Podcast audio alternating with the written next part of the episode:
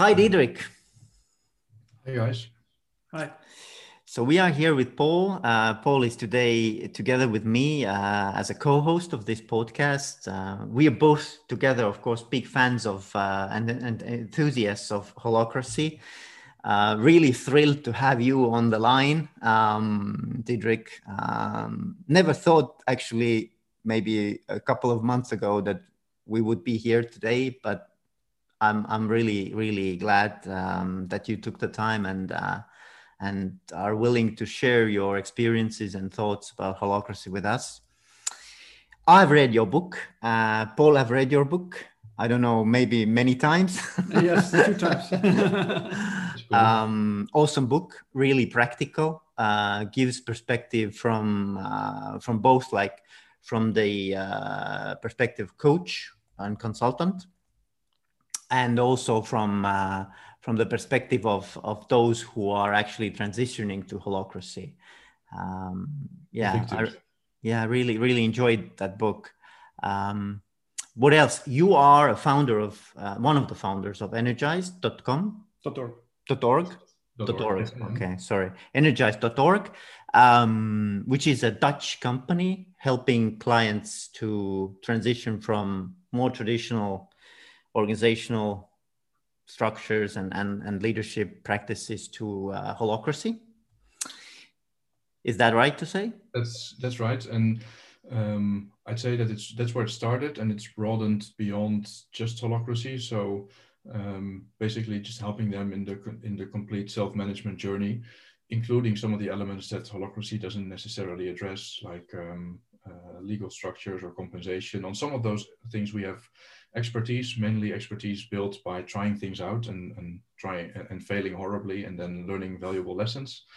and other things, um, um, like we have a network of people that we refer clients to, but um, but holacracy is still a really important uh, part of the work that we do. Yes. Yeah, awesome, awesome. And you have been a, a holacracy coach for over ten years. Uh, yes, I think I first got in touch with Brian Robertson in 2006 or seven. I think, I, yeah, uh, maybe 2007. Yes, that I first invited him over to Amsterdam after reading a white paper that intrigued me and asking him to come do some workshops in Amsterdam. And uh, that's where it started. It took a while, like it was a winding road, but uh, certainly for the past seven or eight years, uh, this has been my main focus. Yeah. Yeah, awesome. And um Paul, yeah. why don't you uh, tell a few words about yourself as well? Oh yeah, so um, I've been uh, I've been on this podcast before. I uh, you interviewed me earlier uh, in 2021 about uh, getting things done in Estonia, and then uh, we had an interview together. Me and me and Veiko we interviewed Brian Robertson about holacracy. So so so check that out if you haven't yet. yeah, that, that that's one in English. The first one was was mostly it's in Estonian. So but uh, yeah, my my background then is I come from the getting things done perspective. So which is the for those who doesn't know, it's personal productivity methodology. So, but it, which has a lot of impact and a lot of interaction with the holacracy model. So uh, then it's uh, one is for individuals, the GTD, and the holacracy, the similar kind of work for organizations, in my understanding. So it would be interesting to kind of explore that in today's conversation. Yeah, and uh, in, I think that's probably yeah. enough about yeah. me, you know, yeah. as, a, as, an interviewer. Yeah. So, so the first question, I guess, um, just to get started, is is uh, what has been your journey? So that you said you were intrigued by the white paper by Brian Robertson. Um, so, how did you get to the point where you you you understood that maybe maybe there's a, a need for a, a, new kind of uh, uh, leadership, new kind of management, new kind of uh, organizing. Um, so would be would be really really interesting to hear your story, your your background, your journey. Yeah, absolutely. I need to go uh, away back for that. I am. I suppose it's somewhat arbitrary where I start, but I'll start during my uh, times at university. I chose to study international business because I thought uh, I had lived abroad during my high school years, and I thought after I finished my university studies, I would um, probably live and work abroad. Things didn't quite work out that way, but uh, that comes later in the story. So I studied business, and um, it was it's very broad studies, um, and I liked it. But I also didn't feel entirely at home with my fellow students um, because the culture of the students um, was very much well. I'm exaggerating, but everyone believed they were going to be the CEO of um, big companies, uh, and I, I, felt like I didn't quite fit in. I was maybe more idealistic, uh, more thinking about um, you know what's life about, what's what's what's meaning, what's meaningful, uh, what do I want to do, how do I make a, an impact, what do I believe in, like really soul searching, I suppose. This is early twenties, and uh, I felt a little bit lonely and was about to get over myself and get with the program. But then I met two guys who um, lived in my uh, student's house that felt the same way about their mm. studies of business and economics. So it was a really significant moment for me because I went from feeling crazy alone to then feeling crazy together with with the three of us. Mm. And uh, I think in in my whole story that was one of the key moments um, because we started having these conversations out loud, asking these questions out loud rather than just by ourselves in our own heads. And it triggered uh, a lot, actually. It triggered us to think about um, like how could business be different we were reading a lot of books like a lot of philosophy books and uh, even uh, i started meditations and meditation and we were just uh, really exploring a lot and over time we started asking ourselves if it was a thought experiment if we started our own business let's say a consulting business and a company hired us like what would we tell them what would be different uh, what are it's easy to um, criticize the status quo, but what would we do differently? And uh, the thought experiment got out of hand a little bit because by the time that we graduated in 2006, we decided, okay, we should try it, right? Like we should put our money where our mouth is. Actually, we didn't have very much money, but that was fine because we didn't have wives and children and all of that. Uh, we were pretty young. Uh, and so we started our first company called Realize, and um, started working mainly with um, small and medium-sized enterprises and startups um, to support them in growing their companies and doing it in different ways, like applying a lot of the different ideas and elements that we had picked up. And one thing I noticed, and this is where holacracy comes in, is that um, as these companies grew, um, like a management hierarchy just emerged um, without anyone making a conscious choice. Right? So someone would go to the founder of the company and say, "Hey, what about this?" And then uh, then someone else would come, "What about that?" And the founder would become kind of a bottleneck, and they needed more structure. But it happened organically. You know, someone would go to them one day and they would say, "You know what? Um, ask Harry because Harry has been here for a year. Uh, so in a startup, that's like forever." Uh, Harry knows all about this. And um, basically, what the founder just did was delegate, right? Like it just happened naturally, it made sense. Nothing wrong with that. But if you come back a couple of months or years later, then um, that one step has now led to some version of a management hierarchy where Harry is now either called a manager or a manager in all but name. And I started getting frustrated about um, some of the drawbacks of that system because I could see with some of the bigger companies that that could introduce a lot of bureaucracy, a lot of politics, um, make things uh, more difficult. Uh, but particularly about uh, there being no choice. You know, like what are other ways of doing this? You know, this management hierarchy thing was invented in uh, the armies of Napoleon, in the factories of Henry Ford. It's old, right? Like, is it obviously it still works, but is it the only way, or is are there other ways? Um, so when I read this white paper by a guy called Brian Robertson that talked about some things that I knew separately but not combined, like sociocracy, that's a Dutch thing, getting things done, which Paul just mentioned, uh, agile software development, and a few other things, uh, I got intrigued because I was looking for uh, another way. And I was not entirely convinced right from the start, uh, but intrigued enough to invite Brian over to Amsterdam uh, to organize some workshops. And uh, when I was sitting in the back of that workshop with Brian in uh, 2007, uh, something fell into place. I couldn't quite name it, but I felt like, okay, there's something here. Like I need to explore this more. Uh, so that's how I, uh, and, and there's a lot more, you know, from there. Like I said, it was a winding road, but that's where it started anyway. Mm. Was uh, was it was it named at that time already Holacracy? Or? It was yes. Ah, okay. Yeah. yeah. Um, yeah, I don't remember the name of the white paper, but it was it was called Holacracy, but it had not been called that for long. Like this was pretty. This was the first thing that Brian had put out there, I think in 2006 or so. Um, and uh, whenever I use the word with clients or friends or whomever, uh, like no one heard of it. Literally, if later on, if someone heard of it, I was amazed and thought, okay, but how? And then they would say, oh, I read this, and then oh, okay, you read that. Like I would know what the, what it was or who they knew or was very uh, small, and uh, also people weren't particularly open about it. Like the word was weird, put people off. Not everyone, but some. And also the ideas of self-management, self-organization, which today I think are a lot more established.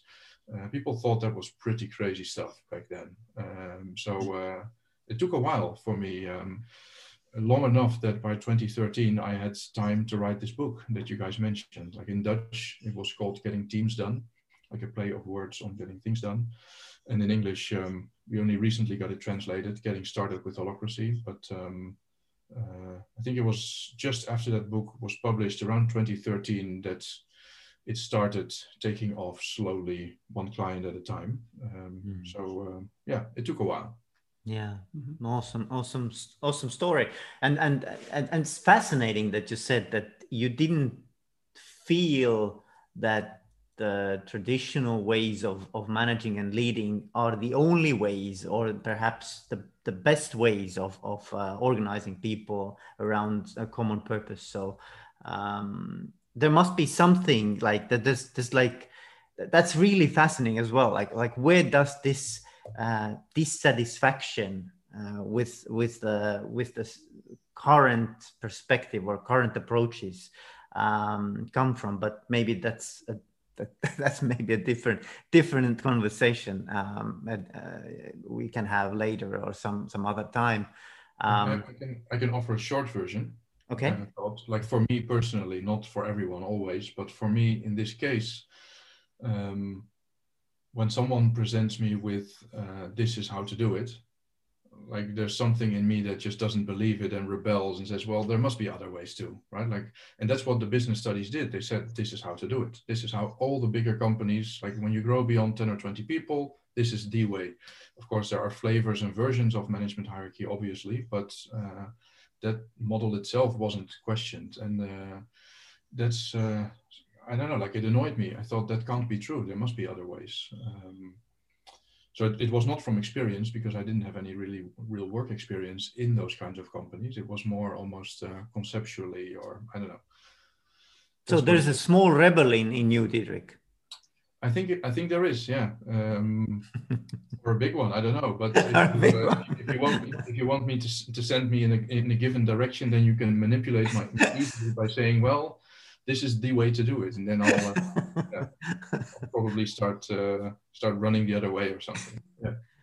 And, and it was also about uh, my my vision for myself, like what's what would my work life look like, um, and I wasn't particularly inspired by what I was being taught. Like that just didn't feel like maybe that's how they've always done it, but it just didn't appeal to me very much. It didn't convince me. And uh, that's why I said I felt a little crazy because I thought it must be me. Like everyone does this, right? So I, I must be crazy. Um, but with time, I thought, no, actually, maybe not. Uh, there's mm-hmm. something there. So. Mm-hmm.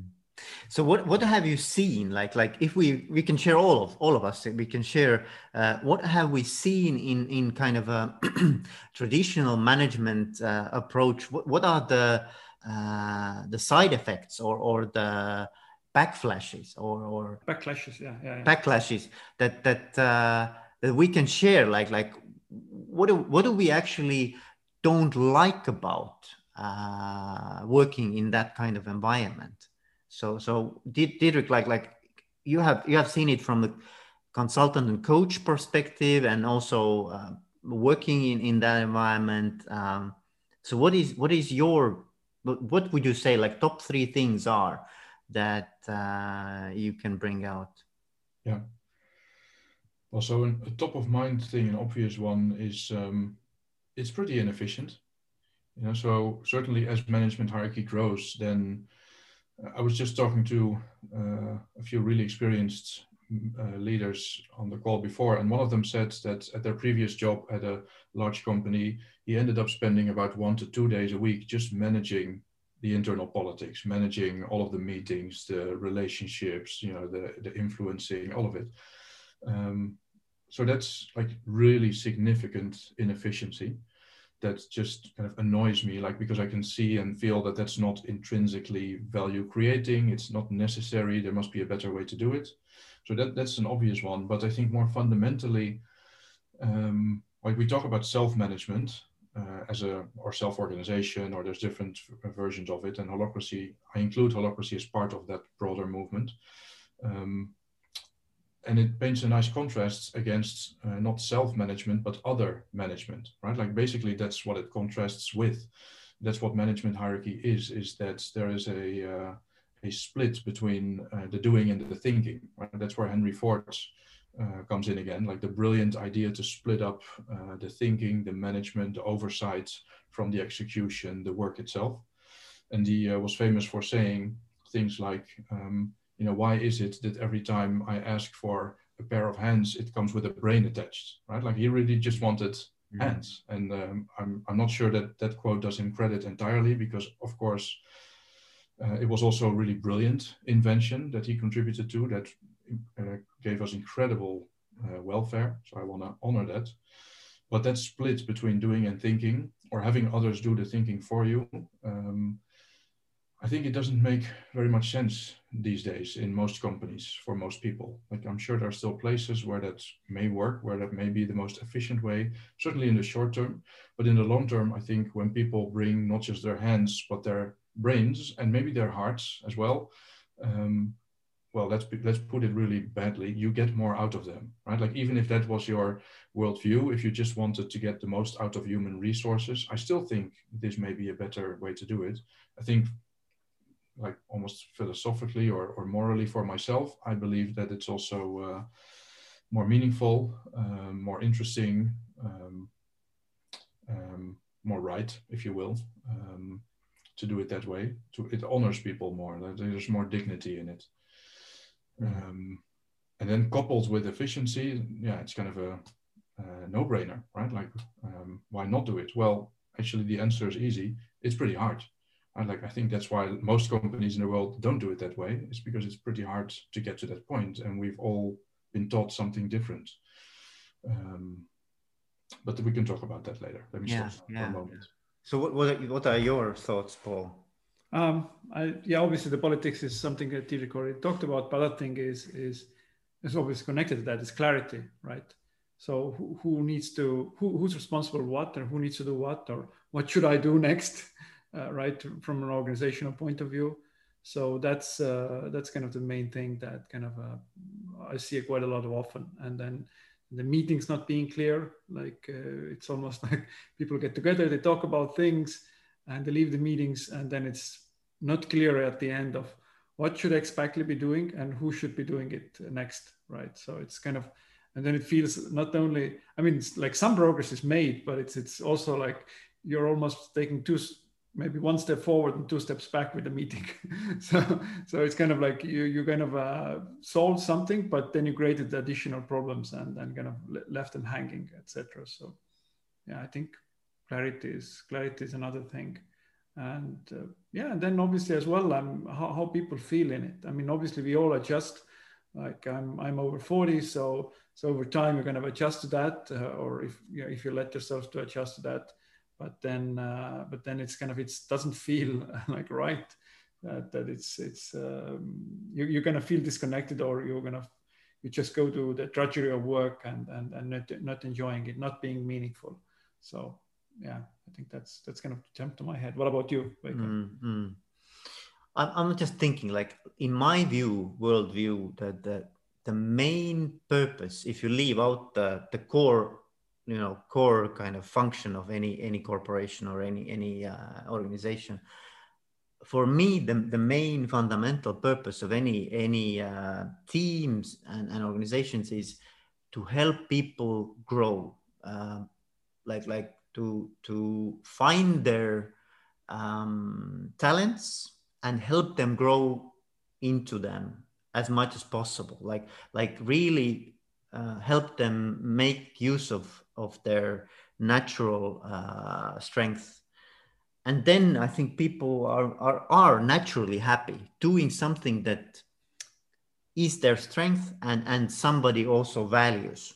Um, so in that respect i think you know uh, all those self-organizing and self-management approaches for me seem so natural. Like like like they they they um, they make this progress or this this um, this purpose of of becoming the best version of yourself uh, the easiest or the, the most natural way of of uh, of uh, living the work life so um, that that's why I, I, I think that I, really really believe into uh, holacracy and also other self-managing uh, approaches.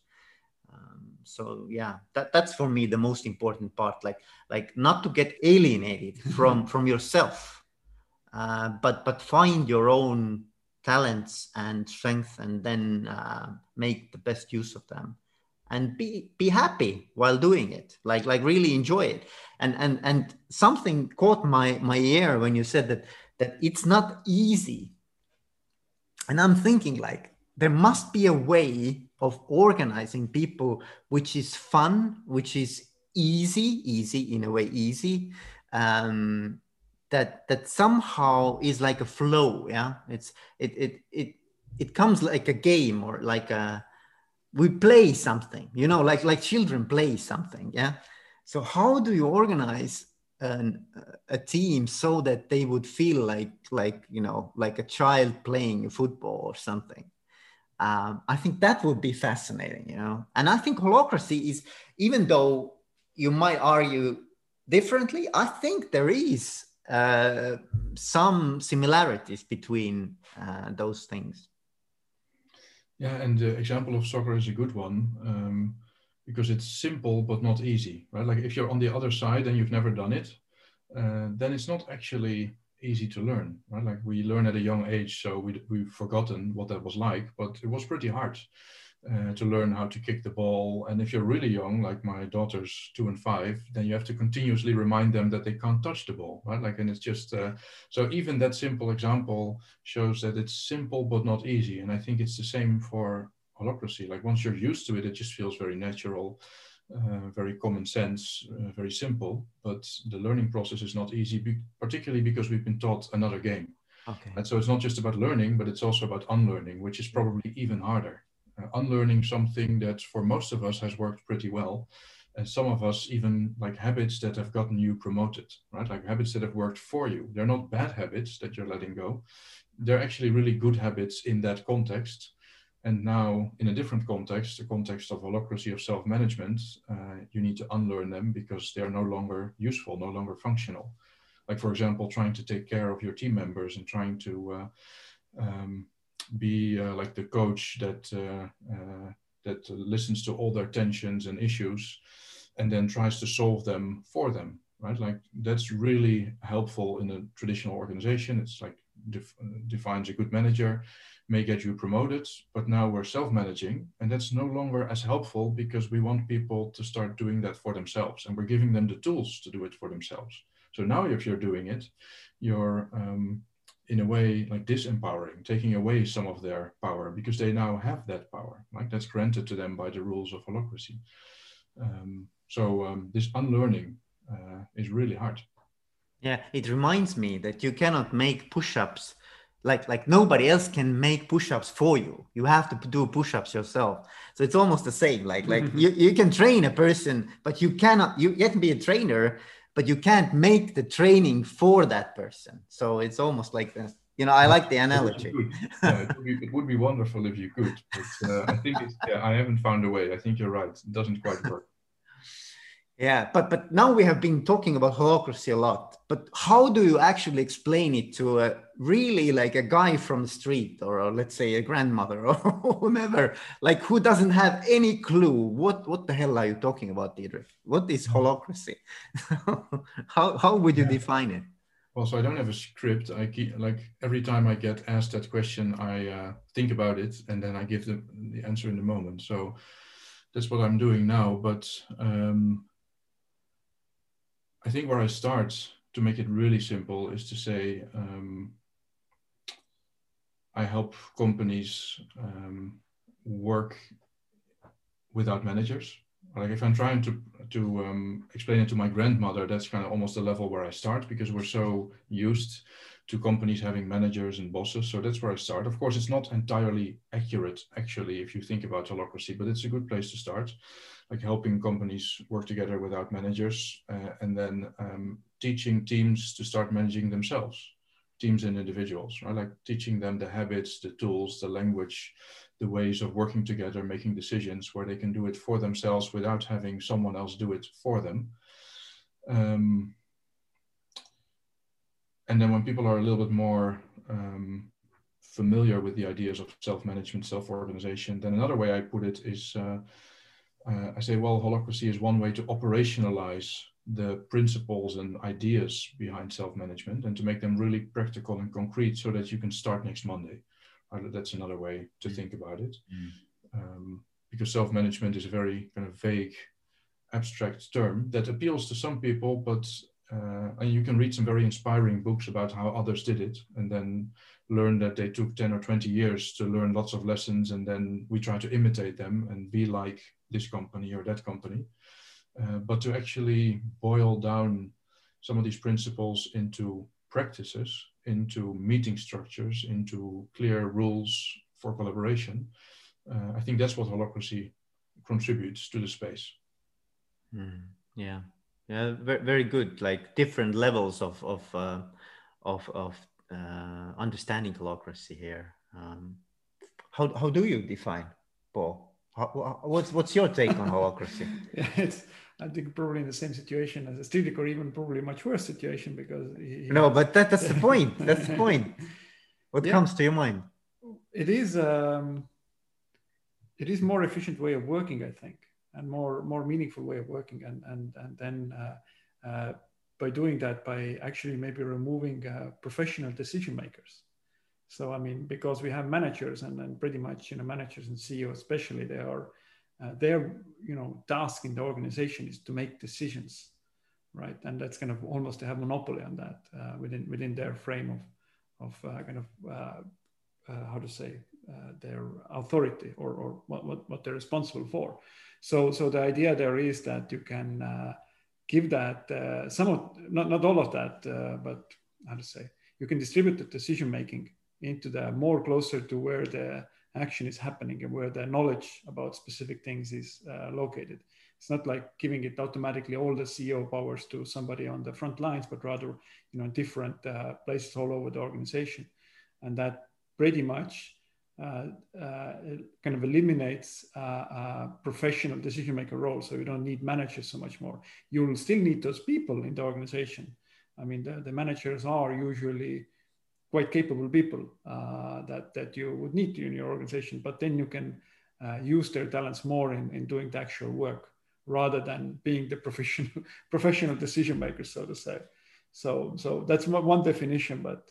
But yeah, I have to say, I mean, it's it's kind of um, that's kind of being honest about holacracies. It's one of the most complex phenomena I've, I've encountered in my life and you can you can look at it from from very different point of view and and kind of describe it to somebody and then then uh, you know you, you do it five or six times and and they might not even realize you're talking about the same thing if, if you do it from different angles hmm. so hmm.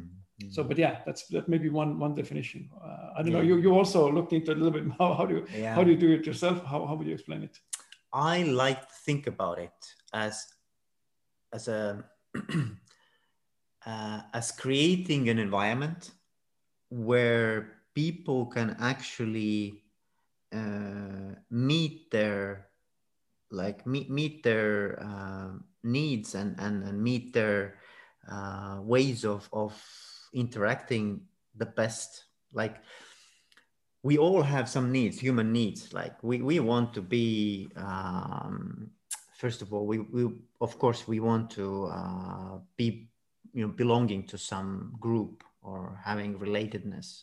And then what we need is we, we need that someone would uh, uh, care about what we do, right? That whatever we do is valued, and then we need to see that we are growing, that uh, that there is some progress in our life, uh, and I think you know all of those basic needs, also self-actualization or, or you know using your potential to the maximum, is is something that doesn't happen in any environment. Like like you need some kind of a specific environment for that to to to happen or, or to release the the potential and and for me like holacracy is maybe it is a uh, you know it's it's it's still created it's not like natural but i think it helps all of us to get the better connection with our needs and and and then express them and then act on them. Um, that that's my view. Uh, I don't know, Diederik. What? How, how do you see? Like like do do, yeah, like do you connect with that? Yeah, uh, I do. Like sometimes uh, one way of putting it is uh, holacracy is how I would want to run my own company.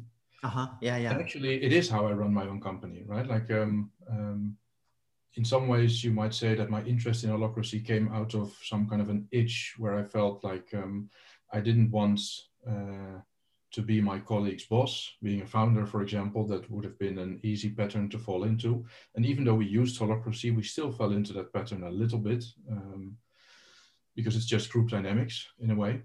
And uh, I also uh, wouldn't want to uh, report to someone else in a way where I can't bring all of myself, right? So I felt like I wanted to work together.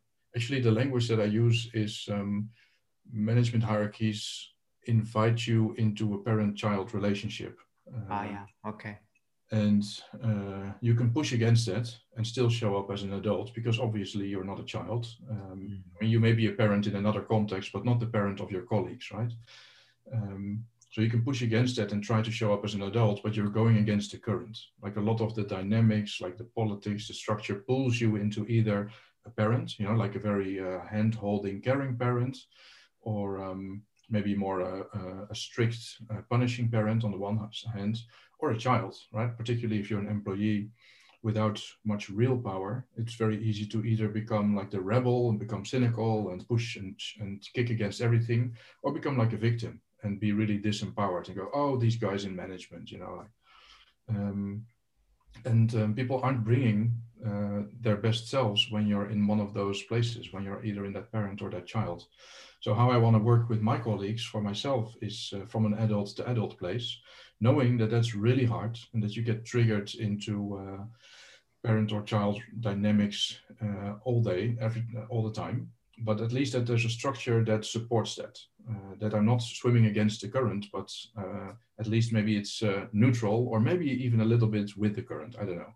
It's still hard to be clear um, because this is like a lifelong thing. Um, and so to uh, to fully own my own responsibility and power uh, and to use that for the purpose that I believe in, but in a way where I don't dominate my colleagues, right? Like uh, allowing them space so that they can do the same, take up their full responsibility and power, so that we can do that together.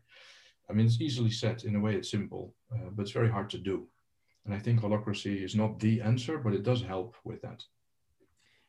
I'm, I'm listening to you. I'm thinking like this this is like not only corporations or within organizations but it's a life like like like how do you live your life in general isn't it i mean i don't want to go into into the private life but but it is in a way how, how do you manage a family in a way like like is, not it the same thing basically um, I, I, use that as an example sometimes and it's kind of funny but i ask people uh, you know like when you're trying to uh, work together with your spouse uh, and maybe uh, like make a difficult decision. Where do we go on holiday? Do we move a house? Do we take a mortgage? Or maybe you're resolving some kind of a conflict. Um, like how do you do it? Right? Like you talk to your spouse, and it's hard, but that's what you do. You don't call your mother-in-law, right? and ask her like where should we go on holiday, or uh, should we take a more? That's that's not what we what we do. Like I think normally, hopefully. Um, but that's what we do when we walk through the doors of the office like somehow we forget about those skills capacities norms and we take up a different set of norms that say actually uh, you don't call your mother-in-law but you do call the manager right? Like when you've got an issue with someone or you need to take a difficult decision or you go to the professional decision maker, as Paul said. And um, it creates like a learned helplessness. I think that's a term I learned from my wife, who's a psychologist. Um, like it's it's helplessness, like feeling like you don't have power or influence, but it's learned. It's not intrinsic. It's not true. It's something that uh, you have been conditioned into believing because that's what you have experienced again and again because there, you found no other way or other path. And I think holacracy breaks through that or has the potential to do that because it's quite hard. If you if you're deep into this learned helplessness, then uh, transitioning into holacracy will not solve this overnight. Right? It may take many years of unlearning those mindsets and beliefs and habits, uh, and say, well, actually, you do have power. You don't have to stop at complaining. You know, you can uh, make you can make a change. You can do a proposal. You can take a decision that's the so you're right that's that that's not just about how to work and how to organize that's about how to be and how to live almost mm-hmm. yeah and I, I just just a final thought on this i, I was thinking that uh, we we know that people have to manage their own lives their private lives and and we assume that they can you know competently do that that they, they will be able to manage their own finances, they will be able to manage their own relationships, so on. Um, but somehow at work, we, we, we treat them like like a child, like sometimes, right? Like that they are not able to do what they what they need to do. We have to tell them how to do it. Mm-hmm. But uh, I think like this, one of the things that I really appreciate about holacracy is also like you you give um, at the same time autonomy and freedom but also responsibility right so so so you assume you you trust that the person is able to um, to you know accomplish whatever is their task or accountability as best as as, as they know as they can. Um, so in a way also like treating them as as adults you know.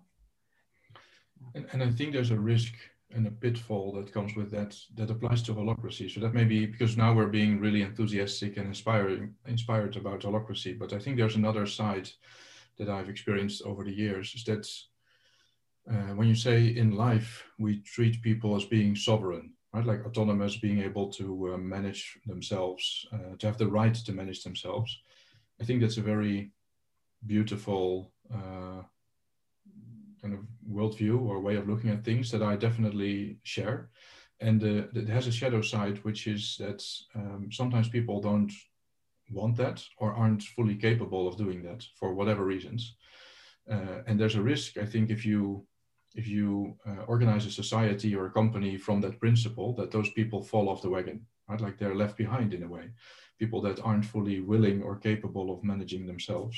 And I've seen that in holacracy as well. Like I think that's an actual risk that you need to take into account and that you can deal with because I think in addition with inviting people into a space of autonomy, of responsibility, of sovereignty, you need to do something else simultaneously, which is to support. Uh, and I think sometimes like if you forget that part, um, then um, some people are going to thrive in holacracy or in life, but some people are going to be left behind. And I think that's that's something I think about and struggle with sometimes um, because that's like an unintended consequence potentially. And in a company, it's one thing, but societally, I think I see the same thing, and I'm I'm not sure that's the way to go. Um, of uh, this this new um, inequality or this new um, almost classes, if you will, of people that are knowledge workers and fully able of self-managing, and people that, uh, for whatever reasons, aren't interested or willing or capable to do that.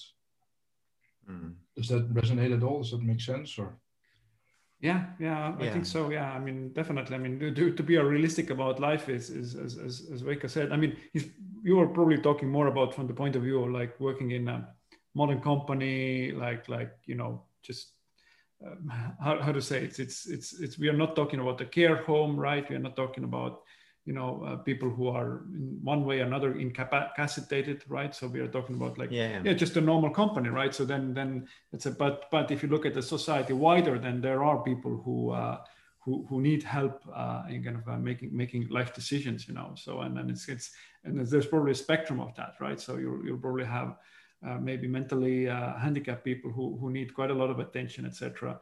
Uh, uh, all the way to like you know just otherwise normally acting people, but but uh, struggling with some some aspects of of, of being being an independent person. So.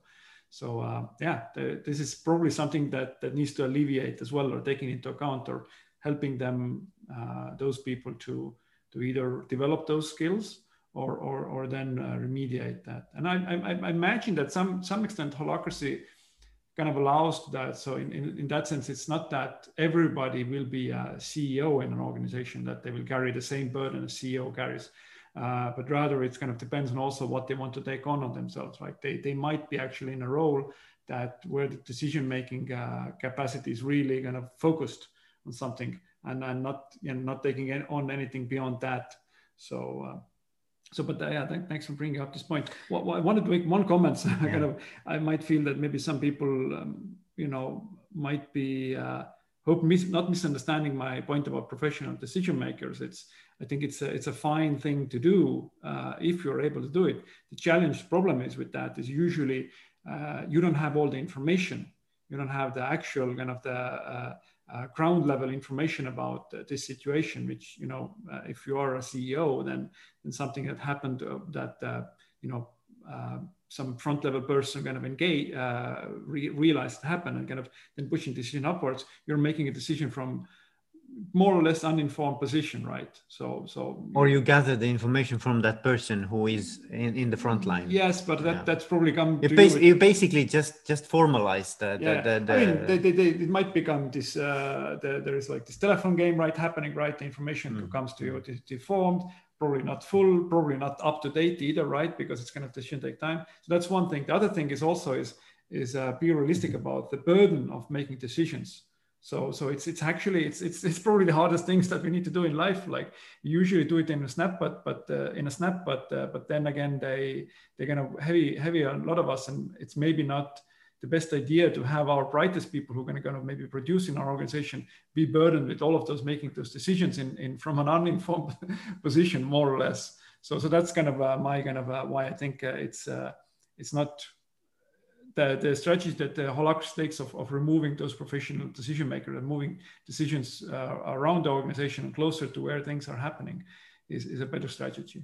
Yeah, I, I just wanted to go, come back just for a 2nd mm-hmm. for this. I, I, think Diederik, you you point really interesting and important aspect of of uh, of not only holacracy but like like getting well by in life at, in, in a larger scale and and i was thinking like my i don't know if you you you will uh, resonate with this but but my view is that each person who takes up a new role let's say i'm i'm getting hired i i go for uh, for a new company i i'm starting as a new employee i want to succeed. Like like i'm going there to succeed. I want to give my best. Um I don't know anybody who is gonna gonna go for a new job and and and uh, view this as you know I'm I'm gonna fail now. You know I, I want to fail, um, and I think if per, if people do not succeed,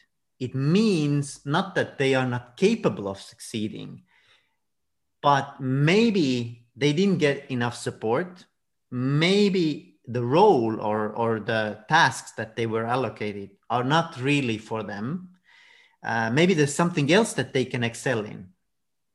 But I think fundamentally, each person, when they find uh, a job or role where they can harness their strengths, their their you know natural um, uh, talents, I think they can succeed. So so in a way, I would view if someone is not capable of performing at their best, in the role that they have, uh, have been taken up, it means either they, they don't get support or or they uh, they are in a wrong role.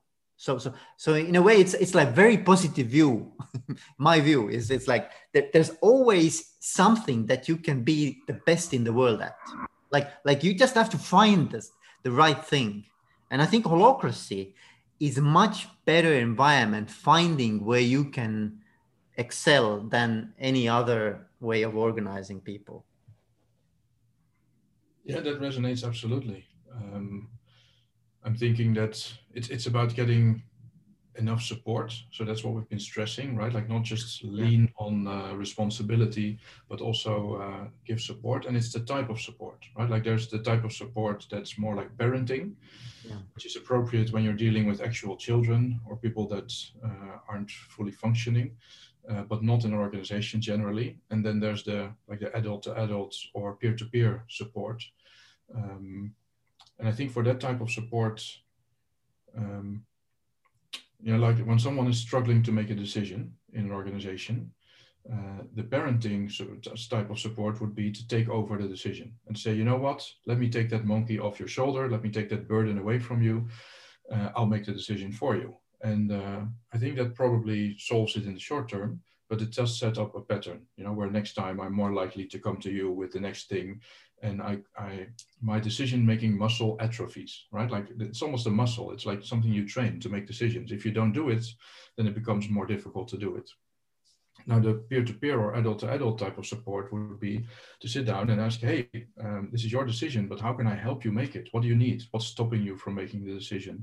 Like what information do you need? Uh, what advice would you like like being kind of almost more like a coach and supporting mm-hmm. um, and trying to take away as many obstacles and impediments as possible, but not to take over the burden of the decision, right? Ultimately, to help support, coach someone to the point where they feel comfortable taking a decision.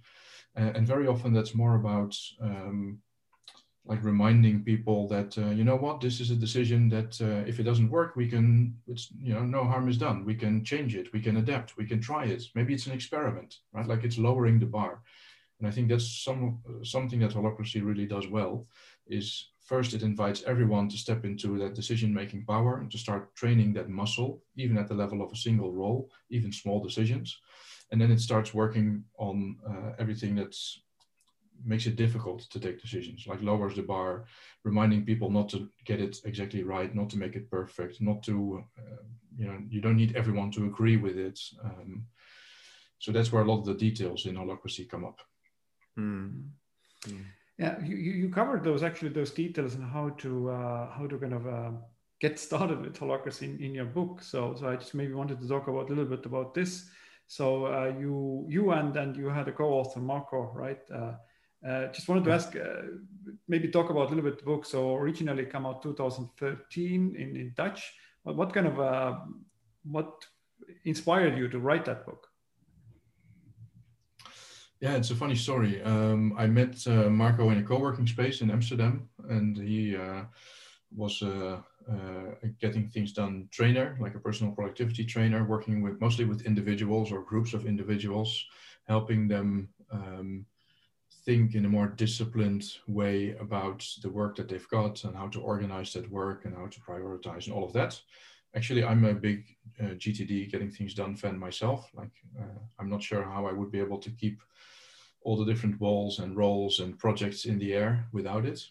Um, and I was uh, a holacracy coach, still am, of course. And so we started talking and uh, we got intrigued about a lot of the parallels. Um, because what Marco was finding that with GTD, you know, he would train people, and at least some of those people would get really inspired and enthusiastic and start practicing these principles, and they became more productive. But if they ran, if, if he ran into them a year later, the complaint would often be like, well, I'm doing amazingly, like I'm I'm being much more productive, but my colleagues, right? Like there's a, like a dependency or a limit uh, to how much more productive you can get individually.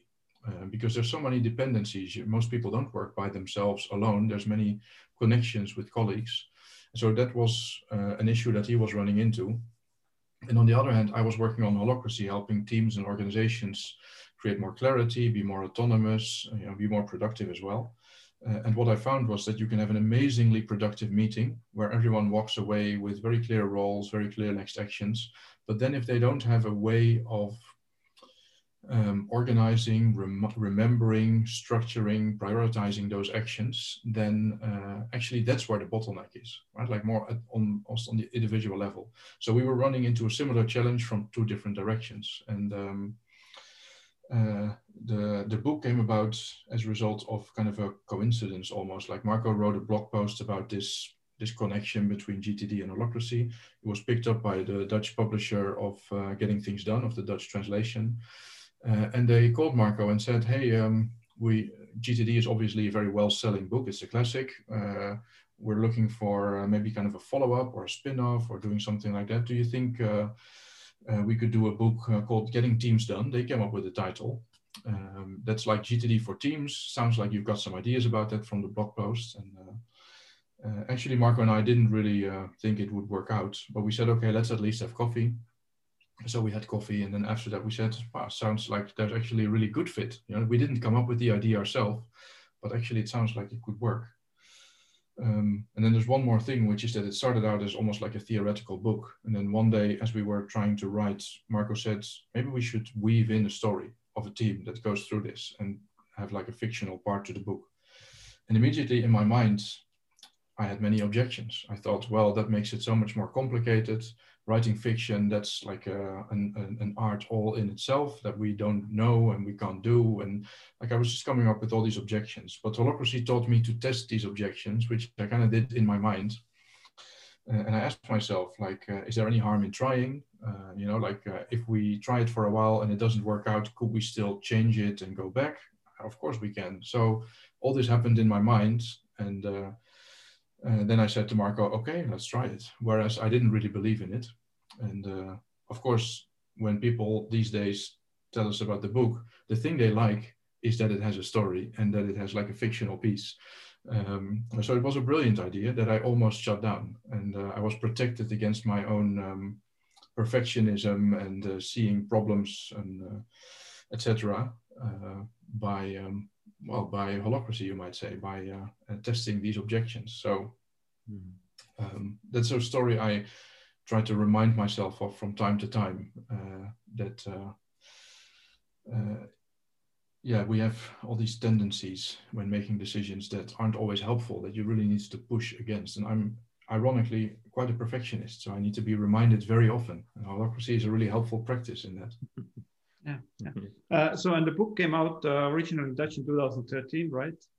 Yes. Uh, and then the 2020, you had the English version, which is called "Getting Started with Holacracy." So, uh, uh, if if people are interested in in about holacracy or just even kind of want to argue with it or or something like that, I definitely recommend to to get that book. Uh, you can you can find it on Amazon. So so yeah, we uh, can uh, put the link behind on, yeah. under the text as well. Yeah. Um, so and then I think the Dutch version was probably as far as we know is it was the first book on holacracy in the world, right? It was, yeah. I think there may have been one or two books that included a chapter or some references, but mm-hmm. uh, it was the first book that was uh, all about holacracy, except it was in Dutch, right? So there weren't very many people uh, that could enjoy it, but uh, still, yeah, I, I, suppose it's something to be proud of. Brian Robertson wrote a book later called Holacracy, uh, like certainly a few years later, that uh, is a really good, uh, almost follow up or like deepening. It, um, our, our book was more intended as like a lightweight intro, mm. but it's true, yeah. Yeah. So yeah. So actually, I, I from my in my kind of uh, library of or pantheon of, of, of holacracy books that I'm aware of or that kind of talks about in some part holacracies. There's three of them. It's it's your book, it's Brian's book, and then it's uh, Frederic uh, Reinventing Organizations, which kind of looks at the self self-managing organization in a wider context, but also kind of touches upon holacracy. So so and then I think you know it's it's they're not uh, competing in any way, but but kind of complementing each other, right? Uh, Frederic Laloux is looking at the phenomena wider, so you get a wider picture of wide, wider self-organizing organizations. Then Brian's book definitely goes into the deeps, kind of like explains what holacracy is, kind of looking for different aspects, etc. So it's kind of the kind of you know obviously from the creator of holacracy fundamental book, and your book is more like like a popularizing or practical book, right? So it's kind of what really happens when you start doing it, and then it kind of ties in the, the, the theoretical parts as well, so very nicely. So, so if anybody's interested in kind of learning more about those, I, I recommend to read those three books. And, and depending on which point of you are looking from, like if you're looking from practical point of view, start with your book. If you're looking about more like theoretical context, and maybe starting with Frederic Laloux's book, or if, if really want to kind of understand uh, holacracy in depth, uh, start start with uh, Brian's book. But then you know re- read all of them to get the full picture of what's going on. Yeah. I was thinking to address before, just before we we, we end um, to address the um, the different uh, misconceptions or or, or um, different versions that that uh, you have been um, faced with uh, of uh, understanding holacracy. Like like if you start to speak with entrepreneurs, CEOs, um, leaders, what are the most common kind of misconceptions regarding holocracy you, you, you would bring out? Well, there are plenty, definitely. Um, I think one of the main ones where I feel a lot of energy is that when people first encounter holacracy and they do a little bit of googling or maybe they watch a uh, watch a YouTube movie or something, they often come away thinking that um, like it's really structured and uh, it has these super structured meetings um, and it has all these rules. And so that it's not actually the, the the sense that they come away with is often not one of freedom or autonomy or but more rules right? And people often have a reaction against rules. I suppose it's like a personal preference thing and maybe culture as well. I know certainly the dutch people are rather anti-authoritarian uh, and uh, don't like rules very much even though we're good at making them. Um, but then we pretend that they're not there until someone you know breaks them and then they are there after all. It's very confusing um, so I think that's often something I have to coach people on is uh, they immediately go, well, uh, I think it's way too rigid and this and, and, structured, but there are things that we can take from it that would work for us. Uh, and the metaphor I often use to understand the importance of rules, because I think actually that sits at the heart of holacracy. Like that's actually why it's so powerful. So you don't want to throw that bit away because then you're left with, well, some cool stuff, but nothing near as powerful. I use the metaphor of um, the lines on the road. You know, when you drive your car in traffic, um, those lines on the road are a structure. It's a very simple structure. Actually, you might call it the minimum viable structure to keep people safe on, in traffic. Um, and that structure does two things at once. One is it limits. Absolutely true, right? That's the bit that people immediately react against. Like, oh, now I can't drive my car all over the road. No, you can't. It limits that. There's um, lines and maybe a couple of rules about uh, how you navigate them. Um, but at the same time, not uh, in addition, but because it limits, it also liberates, right? It does those two things at the same time. Uh, because you are not allowed to drive all over the road and your fellow uh, car drivers aren't either, now you can go really fast on your side of the lane, as long as you stay in your lane and you follow the rules rather than having to be super careful uh, about driving everywhere, not knowing where people are going to show up, right? Like chaos, basically. so that's what holacracy offers. Uh, it's like a minimum viable structure, like the least structure necessary to keep everyone safe, to keep everyone uh, in their lane, so that they can then go really fast, right? Like actually, that's the bit you should pay attention to, going fast from A to B, from where you are now to your purpose, you know, to where you want to get to, without all the um, bureaucracy and inefficiency and, and or, or chaos even uh, of uh, other ways of organizing. And I think using that metaphor and uh, pointing to the constitution, uh, so the rules of the game, as almost like um, traffic rules, helps people understand why they're there, uh, and also um, like they're both really important because without them it would be kind of you know figure it out good luck go with it uh, and then if you get into a conflict then uh, the person uh, with the biggest car or the biggest muscles or the most friends wins in traffic um, which in organizations is of course the boss or the former boss. Um, and at the same time it also says like being in traffic and driving your car it's not about the rules right? Like those are those kind of fade into the background. Like it's about getting from a to b. So that's what holacracy is about uh, giving you that basic structure, minimum viable, so that you can then do the work. Um, so that's, I think, a really big one, and um, and still, it's not for everyone, right? Like rules, rules based is not sexy necessarily, but I think it's powerful. Uh, some people. Uh, uh, prefer more to have kind of loose principles that can be interpreted in a given situation and aren't uh, you know like rigid um, again, with the example of traffic, I think in traffic, I wouldn't want loose principles, right? Because that means that you need to spend a lot of time and energy interpreting and figuring out and negotiating conflicts.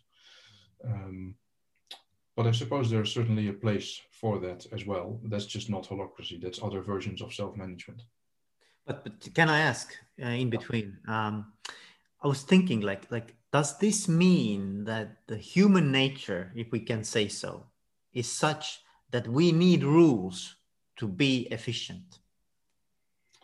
Um, That's you know because on a, on a one side we say that, that that you can get the freedom, you can get the sovereignty, you can get the the responsibility, but I do not think that you can be efficient without us agreeing on the rules of the game. So so if we would leave people with just freedom of doing whatever and however they think is best it would be actually a chaos. That that's what i'm asking like like is this the the the, the kind of outcome? I think there's always rules and always structure. Um, i think the issue is more how conscious are we of them? How explicit are we about them how honest almost are we that there are rules? Because even the Dutch rule of there are no rules um, is a rule, right? And actually, it's kind of it's, a very complex rule because there are rules after all that you should know and stick to, and then pretend that there aren't that they aren't really there, right? Um, so I think there are always rules and structure just when people come together. Um, and I think working with startups, that's what I found is that even in a startup, that says we have no structure, we have no rules, because that's like a corporate thing and we don't do that here. We have no titles, we have no this, we have no that. There are still rules, right? But it, it goes it comes down to um, who gets to speak first in the meeting. Uh, and those rules are very subtle and they're very implicit, um, but they still uh, limit certain behaviors, like everyone just offering their opinion, and liberate other behaviors, like the lines in the road. The question is, how happy are you with the behaviors that are being limited and the ones that are being liberated? Are you limiting the right behaviors, you know, like selfish behaviors or egoic or mm-hmm. uh, etc. And are you liberating the right? Uh, so that's kind of how I look at it. They are always there, but are they in service of purpose? That's I think the criterion that I would use. That's uh, what I think you should test them against. Yeah, and I, I think as, as a GTD trainer, I can say that uh, uh, what we advise people to do is write things down, right? So, so don't keep things in your head. So in that case, uh, the, the rule set uh, in, in, an example of a startup that doesn't have quote unquote any rules, uh, the rules are there, but they are kind of like everybody carries around in their head and needs to remember them from uh, from from from by heart or, or, even unconsciously. So then, what uh, holacracy does is writing all those kind of rules down or specific holacracy rules down. Then it kind of frees this mental energy of, of not kind of going around and remembering those uh, rules that that that aren't there, right? Just you know, going on uh, from going off from the from the Dutch kind of uh, approach, right? So so it's kind of makes makes life life easier. Obviously, it's different way of operating. It might feel like a little bit, you know, as, as some people maybe are revolting to GTD as well. Is like, oh, I can remember all those things, right? And, which you can't. But, but anyway, so that's kind of uh, mm. making explicit uh, those those implicit rules and and uh, yeah, and sticking to that in, in holacracies. Yeah, for me, it reminds really like like every company has a culture. Like even if you are not talking about it, even if you haven't consciously or or like been been uh, creating or building it, um, you still have a culture because you somehow you operate. That's already like a, a culture. So in a way, it's it's almost the same. Like, are you are you consciously dealing with rules of the game that you are applying? And do those rules help you to um, to you know tap into your best uh, talents and, and strength? Or are you actually using rules that inhibit you or limit you or somehow restrict your your efficient operation? So um, yeah I, I agree that, that there's there's always a way of doing things. Now, do we really have uh, the rules that help us be you know better uh, smarter uh, stronger whatever is our aim so um, yeah that's interesting so when people so so so for example when people say that that uh, that uh, i'm not sure if if holacracy really is something that suits us because it sounds like it's really really bureaucratic or really really uh, rule based and and and has uh, all these micro in a way they can also say that you know it's a, like a micromanagement at the rules level. Um, so what, what we could say is is that that you need those rules in order to actually you know perform better.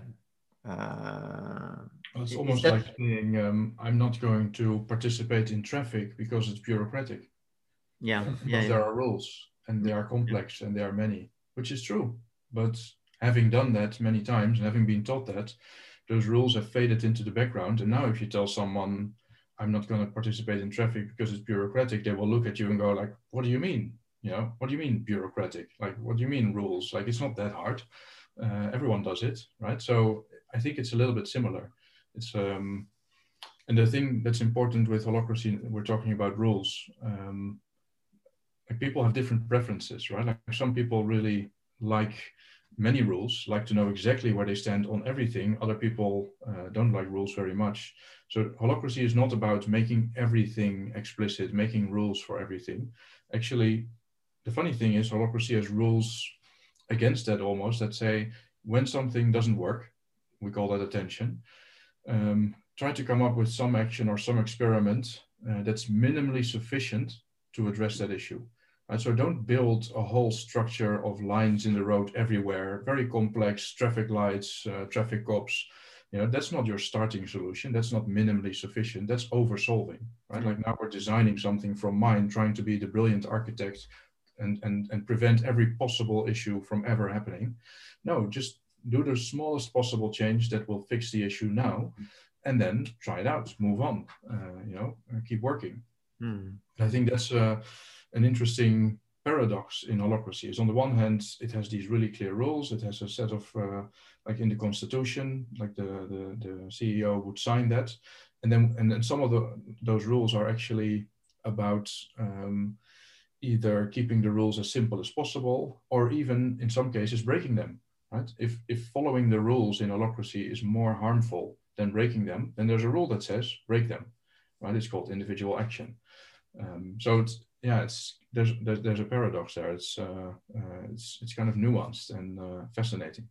Yeah. yeah. I think it's the what you could call meta rules, right? So it's not so much about it's kind of rules of how to, how to have a good game, and then maybe the meeting rules is it's not so much about like hey you you're gonna robotically have to follow this uh, this uh, structure, but rather if you follow the structure, you can have really good conversations or really good discussions uh, practical discussions of how to solve certain issues. Uh, rather than if you go without any rules, then then it will become something else. These meetings, right? Somebody who's who's the kind of the first talker, who's the loudest talker, extroverts being dominated, people who want to help uh, but don't want to do the work, kind of dominating, etc. So so it kind of rather uh, you need to have some kind of rules in order to have no rules. Maybe it would be the way way of saying that. Yeah. Or to be free in a way, to have a level of freedom. Yeah. yeah. yeah. So I am very conscious of time. Um, I would love to hear if there's anything that we haven't asked you, Diederik, but you were thinking, okay, I'm gonna have this. Uh, this conversation with these two guys and I, would love to address this as well in any form or, or way. Is there anything that you would like to leave the listeners with? Hmm.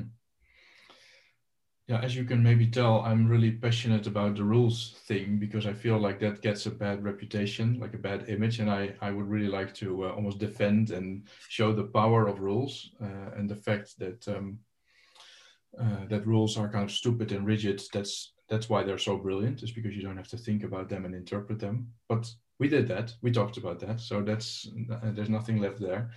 So i'm wondering uh, what else there is. And let's say let's say there's, there's there's definitely in our audience people who got intrigued at the moment yeah? So so if they have some kind of spark in them, let's say that they they don't know what to do with this this something this this our discussion brought something out in them. So so how would they now know if they should, you know, get further information, pursue this um, further, or or is this something just for them to leave alone? Like like is there any any like a uh, I don't know test, but but like some question or some uh, some uh, Lakmus test, how it is like. Um, yeah, litmus test. Lit- litmus, litmus, litmus, test. test. Yeah, yeah. if there's anything that they can do to understand if this is something that that actually would be worthwhile pursuing further. Yeah. So at a really basic level, um, I mean, I'm hesitant to um, say because I think actually the point about sovereignty and self-organization is that listeners will know for themselves, and particularly if they've made it to this point in the conversation, listen to all this, I think it's pretty safe to say that there must have been at least something in this conversation that triggered their interest. Uh, and so it is probably worth uh, exploring more. And Paul gave, or yeah, Paul gave some uh, wonderful uh, reading tips that I think are helpful. Um, so I'm not sure if there is anything else necessarily. Uh, you know, like what's cool about the work I do is that um, you don't really sell this work. You don't really sell holacracy. Like it's either a fit or it's not. And if it's not, there's no way of selling it. Like maybe you could try briefly, uh, but I don't think that would work very well. Like um, uh, so, kind of a, a benefit of doing this work is that we end up with people often finding us to know more about something they're already interested in. Uh, and that means that we're often approached by um, leaders that are quite open to the idea of not being the boss of everything, of not being the parent, of not being the professional decision maker, um, which is a really fun crowd to work with. You know, so um, I'm going to leave it to listeners' judgment uh, to figure out if this is something that they want to um, explore mm-hmm. more. But again, if you've made it this far, there's probably something there. Yeah, I agree. yeah, uh, nhs.org. That website is is it also in English or it's only in Dutch? It is. Yeah, it's not like we're pretty focused on the Dutch market um, because uh, it's a very um, like open, receptive market for these ideas, or has uh, become so in the last years. Uh, but we do work abroad as well. So uh, the website is available in English and Polish. Actually, I have a colleague in Poland. So um, yeah. Okay. Awesome. Awesome. Anyway, Diederik, it, it, it, was really wonderful to have this one and a, almost one and a half hours with you. Um, I'm sure that we could we could talk for hours, um, and maybe we'll do a, a, another session some other time. You never know. Yeah. It sounds like there's more than enough. That uh, it, it, felt like uh, just jamming, you know, like just riffing, just uh, yeah.